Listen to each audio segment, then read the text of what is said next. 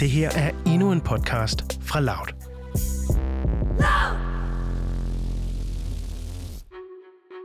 En spinkel araber vågner op på en trappesten uden for en kirke i den franske kystby Nice. Han har sovet udenfor, og han er hjemløs.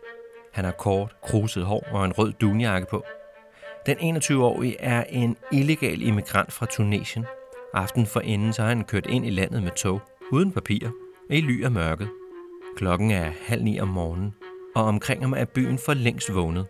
De handlende krydser gaden, sporvognene tøffer afsted, og turisterne er på vej ind i den nærliggende kirke. Men det er den unge mand også. Og i lommerne, der har han en koran, to mobiltelefoner, nogle småpenge, og så tre knive. To små og en lang dolk med et blad på 30 cm. Få minutter efter lyder skrigene i det storslåede kirkerum. En ældre kvinde er hans første offer. Hun får hovedet skåret næsten helt af, mens morderen gentagende gange råber Allahu Akbar. Det er arabisk for Gud er stor.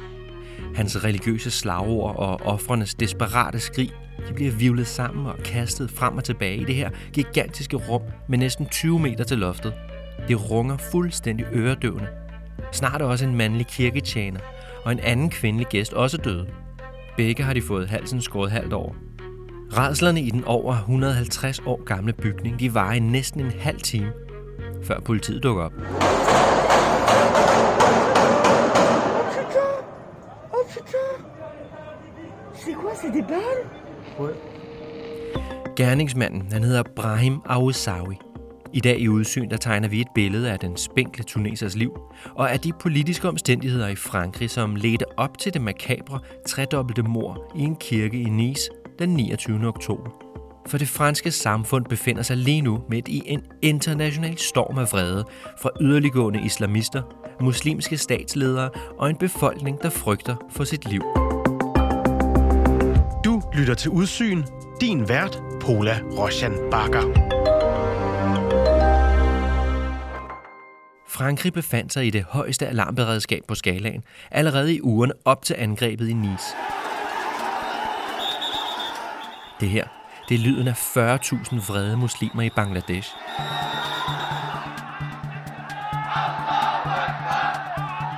Og deres vrede, ja, den er vendt mod den franske præsident Emmanuel Macron. C'est donc un message de fermeté absolue que je veux passer aujourd'hui. Men det er ikke kun i Bangladesh. Også i Kuwait og Jordan, Pakistan, Indonesien og i Tyrkiet. I stribevis af muslimske lande, der demonstrerer folk mod Macron, som de mener burde have stoppet det franske satireblad Charlie Hebdo fra at genoptrykke nogle karikaturer i starten af september, som forestiller muslimernes profet Mohammed. Det må man ifølge muslimerne ikke, og det skal stoppes. Men det vil Macron ikke. Han henviser til uafhængige mediers trykkefrihed og ytringsfriheden i Frankrig. Men det argument vil flere muslimske stats- og regeringschefer ikke godtage. Sakın Fransız markalara asla iltifat etmeyin. Bunları satın almayın. Det her det er Tyrkiets præsident Erdogan. Fra talerstolen den 26. oktober, der opfordrer han tyrkere og i øvrigt alle muslimer til at boykotte franske produkter. Lad være med at købe franske varer, siger han her. Şimdi ben burada milletime sesleniyorum. Og han kalder desuden præsident Macron for mentalt forstyrret. 10 dage før Erdogans tale, i midten af oktober, der har de samme karikaturer ellers kostet en fransk folkeskolelærer livet. Samuel Paty was killed near Paris on Friday after showing pupils cartoons of the Prophet Muhammad during a lesson on freedom of speech. French police raided the homes of dozens of suspected Islamic militants. Ved højlys dag får 47-årige Samuel Paty skåret halsen over af en bare 18-årig islamist fra Tjetjenien.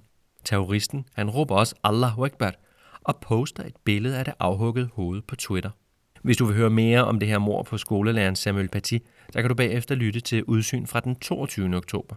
Efter mordet på skolelæreren, der forsvarer præsident Macron igen bladets genudgivelse af karikaturtegningerne af Mohammed, altså tegninger trygt i Charlie Hebdo i starten af september. Charlie Hebdo er et fransk satiremagasin og har 50 år på banen. Men i resten af verden så er bladet nok mest kendt for at være offer for et blodigt terrorangreb i 2015.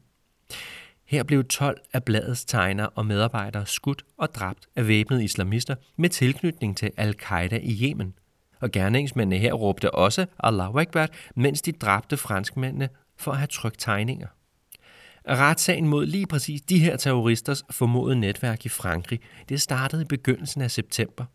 Og det var i den forbindelse, at bladet genoptrykte sine Mohammed-tegninger fra 2015, som en slags symbolsk markering af, at de ikke lod sig kue af islamister. I øvrigt i parentes bemærket, så var der blandt de her tegninger også de danske Mohammed-tegninger fra Jyllandsposten. Altså de oprindelige tegninger. Dem, som i nullerne fik vreden mod Danmark til at køre over i den muslimske verden. Dengang var det danske varer, der blev boykottet under den såkaldte Mohammed-krise.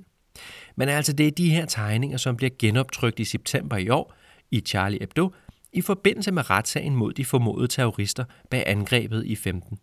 Men angrebene, de stopper ikke. Få uger efter retssagen er begyndt, den 25. september, der bliver to journalister udsat for et knivangreb lige uden for Charlie Hebdo's gamle kontorbygning i Paris. The attack occurred just before noon near the former offices of the satirical newspaper Charlie Hebdo. A man wielding a large knife led a seemingly random attack against two journalists working for a production company just across the street.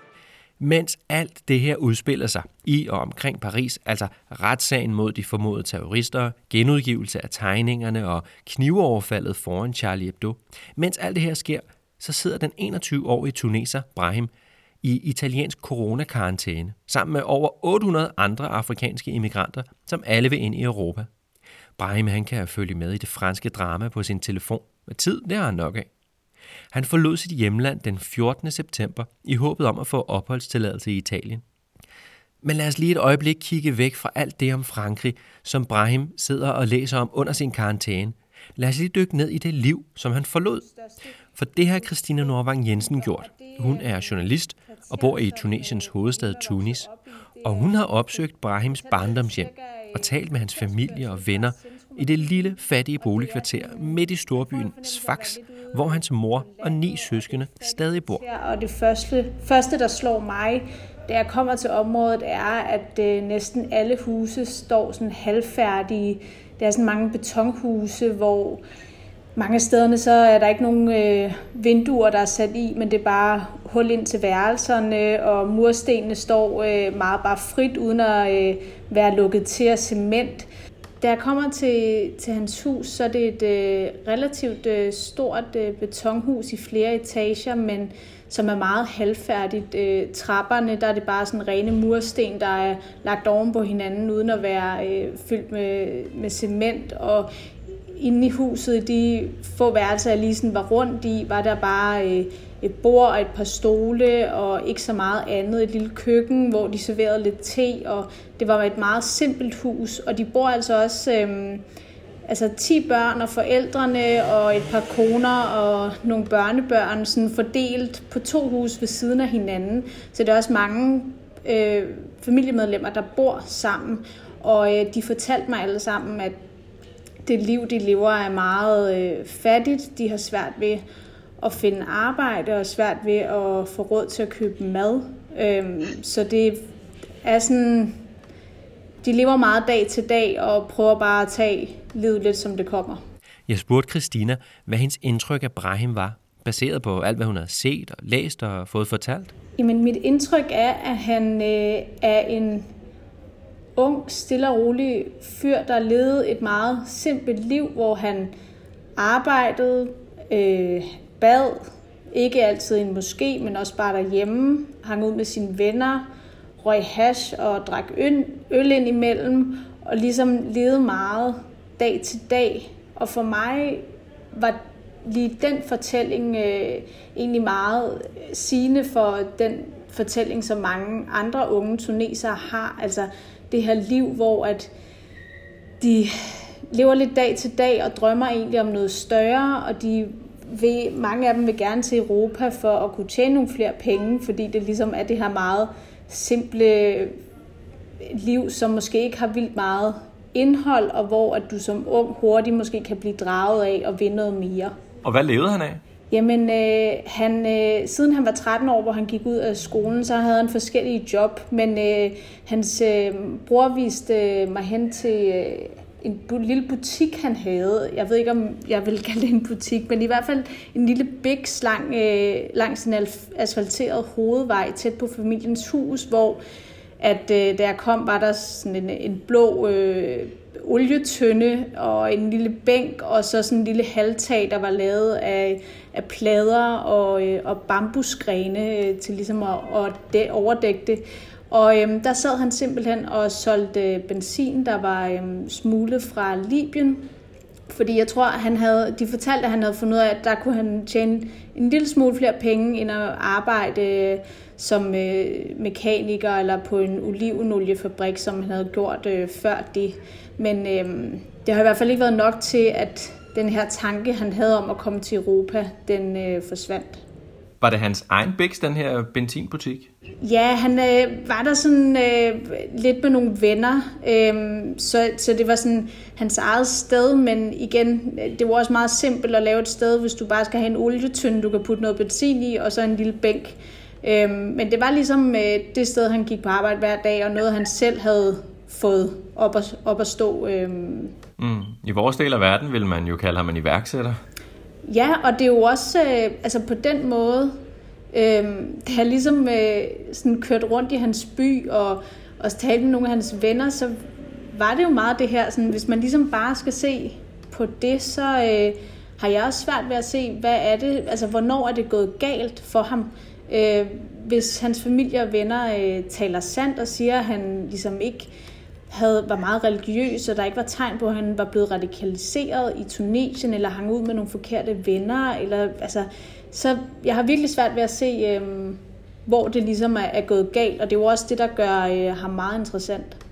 Altså, jeg har ikke indtryk af, at han var meget religiøs. Øh, først fortalte familien mig, at øh, han begyndte at, øh, og ligesom øh, bede, fordi han hans mor opfordrede ham til, at han skulle gå mere op i sin religion og sin Gud, fordi hun syntes, han øh, røg lidt for meget hash og drak øl øh, med vennerne. Og øh, det gjorde han så for et par år siden, begyndte han at, at bede hver dag og komme i måske nogle gange, men øh, en af hans øh, tætte venner fortalte mig, at altså, det var ikke sådan noget... Øh, at han var mere religiøs end andre. Det var meget sådan normalt, at øh, nogle gange gik han en moské, nogle gange været han lidt derhjemme. Øh, og så er der nogen, der ligesom har sagt, øh, at han måske var lidt mere isoleret de sidste, øh, det sidste halve år, men omvendt har måske også øh, meget tiden været lukket ned på grund af coronakrisen, så mange har også været deres hjem. Så øh, jeg har i hvert fald ikke indtryk af, at han skulle være sådan en indlukket fyr, der bare sad og, og bad derhjemme og ikke så nogen mennesker. Christina, øh, Brahim emigrerer jo ligesom til Europa, øh, og det er der flere og flere tunesere, der gør, øh, særligt i år, øh, ved vi fra, fra, fra undersøgelser og officielle tal. Hvorfor er det egentlig, at de her unge tunesere, de forlader deres land lige nu i, i så store tal? Jamen det gør de, fordi at øh, coronakrisen, ligesom mange, i mange andre lande, virkelig har knust Tunesiens økonomi. Landet var lukket ned i nogle øh, måneder, og turisterne er væk, og det er en øh, stor indkomst for mange øh, tunesere. Så øh, lige nu er der øh, mange, der ikke har et arbejde, der ikke kan tjene penge til at få mad på bordet og betale regninger. Øh, og især ungdomsarbejdsløsheden øh, blevet højere. Den ligger lige nu på omkring 35 procent. Så desperationen er virkelig vokset, og derfor så er der bare et større ønske om at komme til Europa og få et bedre liv. Og hvis du så er ung, og du ikke hvad skal man sige, har så meget på spil. Du har måske ikke en familie eller noget ansvar her i Tunesien, så er det, hvis du har penge, i hvert fald rimelig nemt at tage med dine venner på en øh, lokal fiskerbåd og så sejle måske 160 km til Lampedusa. Og det er netop den tur, som Brahim tager den 14. september. Det er her, han sætter til søs mod den italienske ø i Middelhavet, Lampedusa. Det er et helt centralt knudepunkt for den illegale migranttrafik på, på lige præcis den her rute. Og det er også her, Brahim sidder i karantæne. Det gør han helt frem til starten af oktober. Det er her, han kan søge om opholdstilladelse. Men den får Brahim ikke. I stedet der får han at vide af italiensk politi, at han skal forlade Italien senest den 9. oktober. Men det gør Brahim ikke. I stedet tager han til Sicilien, hvor han opholder sig et par uger i midten af oktober og tjener nogle få euro på en frugtplantage. I mellemtiden, altså mens han er på Sicilien, så kan han følge med i mordet på den franske skolelærer uden for Paris. Han kan læse om præsident Macrons forsvar for ytringsfriheden, om anholdelser af franske muslimer, lukning af muslimske foreninger. Han kan læse om de vrede muslimske protester, og at den tyrkiske præsident tordner mod Frankrig. To dage efter den tyrkiske præsident Erdogans boykottale, så ankommer Brahim til Nice. Det er den 28. oktober. Brahim køber noget nyt tøj og sender sin storebror i Tunesien en selfie. Morgen efter skærer Brahim halsen over på tre kirkegængere. Og det er her spørgsmålene melder sig. For hvor er det gået galt for Brahim, som, hvad vi ved af på nuværende tidspunkt, ikke tidligere har vist tegn på at være på vej til at blive tredobbelt morder i profetens navn. Og den her måske han, øh, han ligesom har, har gået i, øh, kan, det, kan det være der, han ligesom har, har fået et dårligt selskab? Det er ikke mit indtryk af, at det er... Øh en moské, som øh, huser nogle radikale øh, mennesker. Hans bror fortalte mig, øh, og det er jo igen hans bror, et familiemedlem, men han fortalte mig i hvert fald, at politiet havde været forbi, forbi de forskellige moskéer i lokalområdet for og ligesom efterforske, om, øh, om der kunne være nogle personer her, der, øh, der kunne være involveret i det her angreb. Og indtil videre er der ikke øh, nogen anholdt, eller har været noget videre efterforskning, øh, hvad jeg har hørt. Og i det hele taget, så har de tunesiske myndigheder jo også meddelt, at han ikke var øh, på deres radar i forhold til en, man skulle holde øje med, øh, i forhold til at være en potentiel trussel, øh, hverken i, altså i Tunesien, eller at de havde indtryk af, at han ville tage til udlandet. Så på den måde, så, så er der ikke et billede af, at det er i hans lokalområde, at der skulle være foregået en radikalisering. Brahims storebror Yasin, han er skeptisk over for den officielle forklaring. Han vil se beviser for, at hans lillebror er den terrorist, som de franske myndigheder mener, han er.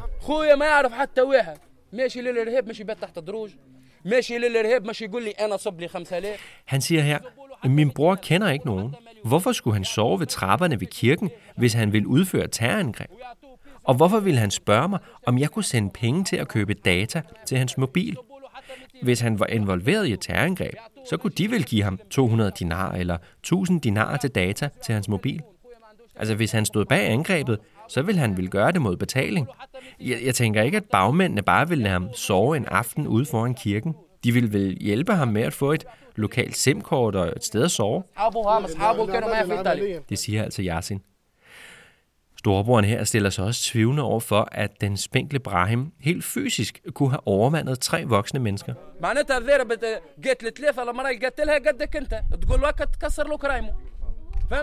Men jeg tror, at familiens tvivl egentlig bunder i, at de er i chok og sorg, og at de lige nu har brug for at se konkrete beviser for, at deres søn faktisk dræbte de her tre personer i kirken. Altså de fortalte mig, at de havde kontakt med ham øh, med aftenen inden angrebet, øh, hvor han øh, havde sagt til dem, at øh, han var kommet til Nice, og han havde fundet et sted at sove ved nogle trapper. Og øh, det kan jo selvfølgelig, altså de ved jo heller ikke, om de er blevet, blevet løjet for, men de kan i hvert fald ikke sådan få det til at hænge sammen med, at han så lige pludselig skulle stå inde i en kirke og, øh, med tre knive og, øh, og dræbe øh, nogle mennesker.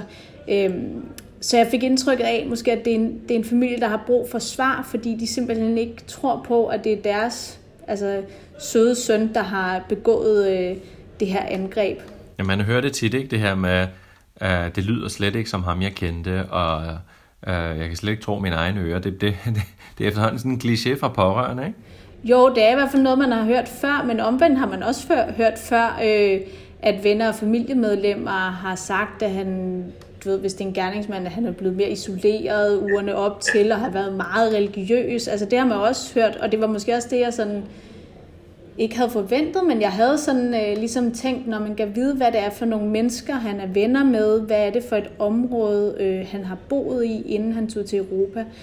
Så på den måde, så er det jo sådan både over, det er jo også, øh, altså, det er jo også klart, at sådan, da jeg besøgte familien og vennerne, så var jeg jo også opmærksom på, jamen, altså lyver de for mig? Og det er jo selvfølgelig vildt svært at vide, men alt andet lige så er det i hvert fald... Øh, måske øh, kan man godt se, at for en familie, så øh, tvivler man jo nok til det sidste. Altså, de fortalte mig jo også, jamen, er beviserne der? Bliver han dømt? Jamen selvfølgelig skal han så i fængsel. Han skal da straffes for det, han har gjort. De går bare meget op i, at de lige nu gerne vil se nogle flere, noget mere overvågning, have nogle flere informationer. Hans barndomsven Abdelhamid. Han var den eneste, som vidste, at Brahim ville emigrere til Europa. Han tror heller ikke på, at vennen skulle være morder.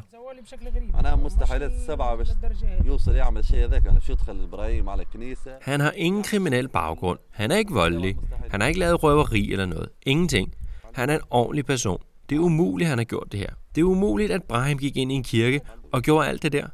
Det siger altså Abdelhamid. Og ifølge barndomsvennen, så er der kun én mulig forklaring på, hvor Brahim kan være blevet påvirket i en radikal islamistisk retning. De folk, der gjorde noget dårligt mod profeten, det skete allerede, da han var kommet til Lampedusa. Hvis han var radikaliseret, så ville de vel have radikaliseret ham der. Han kan ikke være blevet radikaliseret her i Tunesien. Sådan lyder altså vendens vurdering. Men ifølge Christina Norvang Jensen, så er det nu ikke helt umuligt, at unge tunesere skulle kunne blive radikaliseret i deres hjemland. For den yderliggående islamistiske bevægelse i Tunesien, det den har fået vind i sejlene de seneste 10 år. Paradoxalt nok, så er det sket i takt med, at demokratiet er vokset, og frihedsrettighederne i Tunesien er blevet forbedret. Jamen, terrortruslen lige nu i Tunesien er høj, og har især været det siden øh, terrorangrebene i landet i 2015, hvor ja, først blev jeg mener, det var 21 mennesker, der blev skudt her i Tunis på et museum, og så i øh, turistbyen Sus var der, jeg tror, der var 38-40 mennesker, der mistede livet. Øhm, og det kommer til udtryk ved, at man på gaderne her, især i hovedstaden Tunis, ser meget bevæbnet politi. Der i centrum, hvor, hvor jeg bor, der øh, er det meget tæt på sådan hovedgaden Habib Bourguiba, som ligesom sådan er hjertet af, af Tunis. Og der øh, er der politi hele tiden 24-7 øh, for ligesom at, at højne sikkerheden, fordi der løbende er mindre angreb. Og så er det jo også, øh, altså Tunesien er jo det land, der har det største antal borgere, der i sin tid er taget til Syrien og Irak for at tilslutte sig islamisk stat. Og øh, de er jo øh, kommet retur. Jeg tror, man mener, at det er omkring 700-800 øh, tunesere, der er hjemvendt. Så der er stor fokus på sikkerheden, og der er en stor efterretningstjeneste her i Tunesien, der, der løbende øhm, holder øje med det. Og har der været eksempler på, at de her eksempelvis hjemvendte øh, ISIS-krigere øh, er begyndt sådan at rekruttere og radikalisere, når de så kommer hjem? Altså, øh, der har været nogle tilfælde på nogle mindre angreb øh, hernede, hvor det er nogle af dem, der øh, stået, altså der har stået bag dem, men det er faktisk øh, ret svært øh, at, at holde øje med, fordi der faktisk ikke foregår så meget forebyggende arbejde. Der har også været kritik af, at Tunesien ligesom ikke har et system til at holde øje med de her personer, der vender hjem, og prøve at få dem afradikaliseret. Øhm, så på den måde er det sådan lidt en flyvsgruppe, som ikke øh, hele tiden er under radaren øh, på, på myndighederne. Ifølge Christina Nordvang, så har der også været eksempler på, at øh, islamistiske netværk de rekrutterer unge migranter på deres vej til Europa. Er han blevet radikaliseret online? Er det, da han er ankommet til Lampedusa, hvor man jo også har hørt om i Italien, at der kan være nogle, nogle rekrutteringsgrupper, som ligesom øh, står klar, når, når migranter kommer. Øhm, så der, det bliver interessant at, at finde ud af, hvad, hvad de forskellige efterforskninger finder ud af.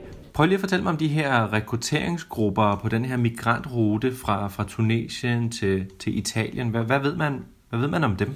Jamen det er ikke fordi, at øh, man har vildt mange detaljer om, hvordan det foregår, men der har været løbende de sidste par år øh, været nogle folk, der er blevet anholdt øh, på Sicilien og Lampedusa, som øh, de italienske myndigheder øh, ligesom har øh, mistænkt for at øh, give penge til øh, for eksempel tuneser, men også migranter fra andre lande til at komme til Europa, og så simpelthen på den måde rekruttere øh, øh, terrorister. Øh, og det er noget, som både ja, de italienske, men også tunesiske myndigheder er meget opmærksomme på, og har jo også personer på deres liste, hvor at hvis de kommer til Italien, jamen så rejser der sig et rødt flag. Og det var jo det, der ikke gjorde med Brahim, så de italienske myndigheder slusede ham jo bare ud efter karantænen. Øhm, så på den måde så øh, foregår der jo også ting i, i Italien, hvor at øh, man prøver at udnytte, at der er nogle især unge mennesker, som kommer til landet øh, rimelig meget på bar bund og søger et bedre liv, og så øh, kan der være en risiko for, at de, de nemmere radikaliserer. Spørgsmålet er, om nogle af svarene på Brahims hurtige forvandling, at de kan ligge begravet et sted mellem Afrika og Europa. I det Middelhav, som i de her år er omdannet til en gigantisk motorvej i nordgående retning for migranter i alle afskygninger. So he basically just had little over one month of time since he arrived in Europe, which is very limited amount of time, of course, to become newly radicalized in such a short amount of time. It's not impossible, but it would be unusual. Terrorforsker Dino Kruse fra Dansk Institut for Internationale Studier, han har også fulgt med i efterforskning af Nice-angrebet. Og han finder Brahims historie meget usædvanlig for en væbnet islamist, eller jihadist, som Dino Krause kalder dem. French intelligence said they had nothing on file relating to the attacker. And uh, We know that IS did use images from the attack in its subsequent magazine, Al Naba, that was published, but we don't know whether he was in any way guided in carrying out his attack by other IS affiliated persons, and that is the the open questions. But recently, there there have uh, actually been arrests in France. Two individuals were arrested, one 17 year old, one 29 year old Tunisian. They're accused or suspected of having been in contact with the attacker, but nothing conclusive yet. So uh, maybe the last point I, I, would make around this is that Tunisia has a huge jihadist scene, and there were about 5,500 Tunisians who fought for ISIS in Iraq and Syria. And they have also been implied in various attacks. I mean, Tunisians uh, in, in Europe, including the, the attack in Berlin in December 2016, which was carried out by a Tunisian jihadist. So the jihadist scene in Tunisia is quite big, and so this is something to keep in mind. But we, we, we simply don't know enough yet about his background of the Nice attacker, I would say. And as you mentioned, uh, we're talking about a little over uh, a month for him to be radicalized, assuming that he wasn't sort of carrying something with him, uh, that he wasn't uh, groomed in any way in Tunisia. Uh, what what do we know about the recruiting capabilities of jihadist networks along these migrant routes, especially uh, in terms of the Nice attacker from Tunisia to Italy? Is it possible that he could have been groomed along that way? Generally, refugees, especially unaccompanied uh, young male refugees, are vulnerable for radicalization and recruitment into extremist circles because they usually lack a stable social network, or often they lack employment, and they lack factors that would otherwise provide them with resilience against uh, recruitment attempts. Um, they lack pers- perspectives to successfully integrate. As we know, his asylum plea was refused as well. But then again, one month is a very short amount of time. So I think this is something to be cautious uh, on, on the other hand. With regards to the route from Tunisia to Italy, I would again like to remind uh, that the Berlin attacker Anis Amri from 2016, December 2016, that he was also living in Italy for several years actually. He was uh, sentenced to four year prison for various crimes that he committed. Uh, and in 2018, a network of uh, various individuals, including Tunisians, was uncovered and arrested in Italy. And they had reportedly provided him with documents to travel to Germany. There have also been reports that criminal networks, Italian criminal networks, have cooperated in the smuggling business, um, smuggling refugees, uh, and including jihadists uh, into Europe. So Italy does have uh, these networks as well, and there have been arrests of jihadists also throughout recent years. Uh, so it's a route that has popped up in reporting with relation to jihadists.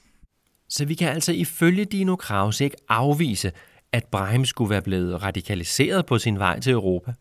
Og som han siger, så har fransk politi også anholdt flere personer, som de mener kan have haft kontakt med Brahim i de ganske få dage, han nåede at være på fri fod i Frankrig.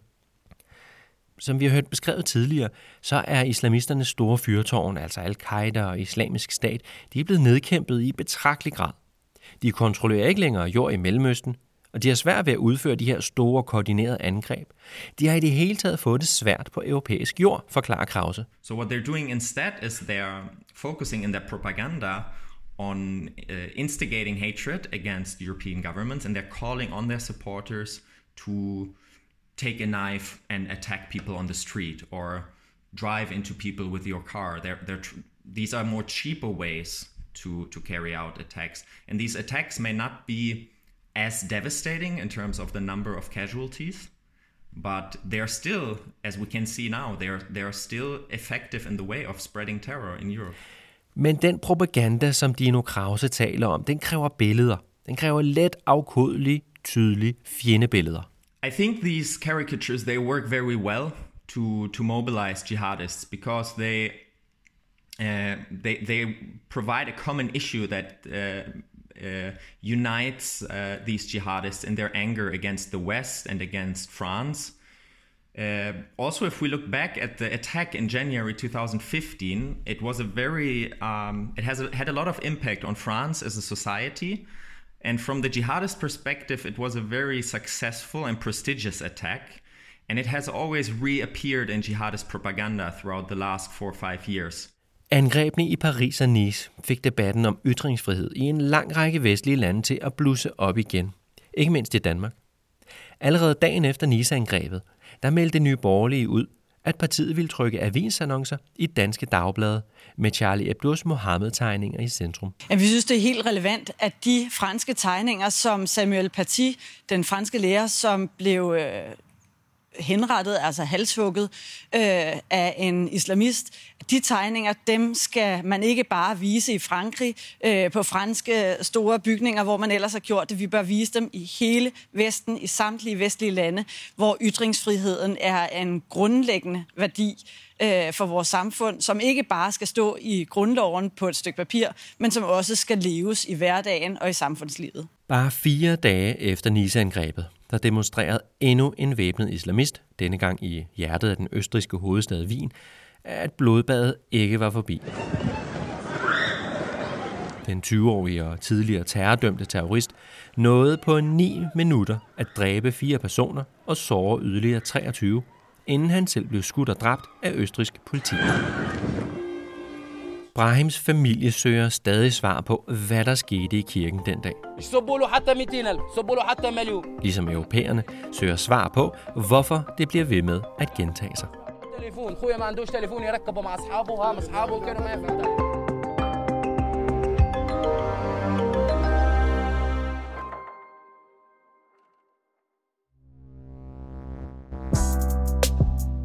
Det her var en aktuel podcast fra Loud. Loud!